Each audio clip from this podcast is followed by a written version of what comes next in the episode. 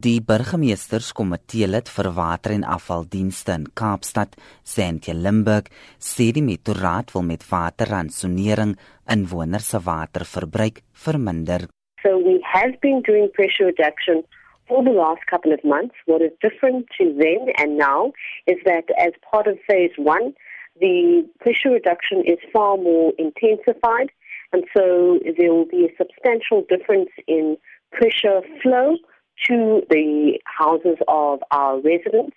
And so we want to ensure that residents are both aware and mindful of the fact that pressure reduction is being done across the city in all supply zones throughout the day. Sy sê inwoners kan veral tydens spitstye wateronderbrekings ervaar. In the morning obviously when everyone is waking up and getting ready to go to work or school and in the evening when everyone returns and is preparing um, food or taking showers or baths, etc.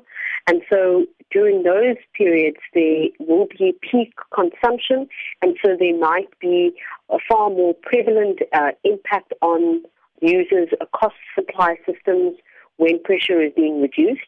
We are urging residents, though, that by reducing overall consumption during peak periods, um, we can minimize the impact of temporary outages Limburg se Kaapenaar se waterverbruik het begin afneem. Our consumption this past week is at 580 million liters of water per day. Just over a week ago, our consumption was over 600 million liters of water. And so we are seeing the benefits and the positivity in introducing pressure reduction.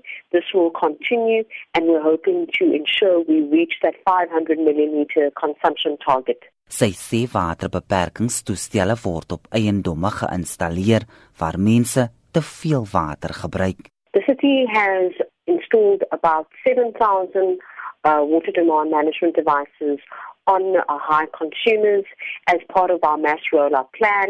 And obviously, we are attempting to um, roll out at least 2,000 per week wherever possible. We are trying to ensure that we capacitate our teams to expedite that rollout. Dit was Santia Limburg, die burgemeesterskomitee lid vir water en afvaldienste in Kaapstad. Jean Estreisen, SAICanis.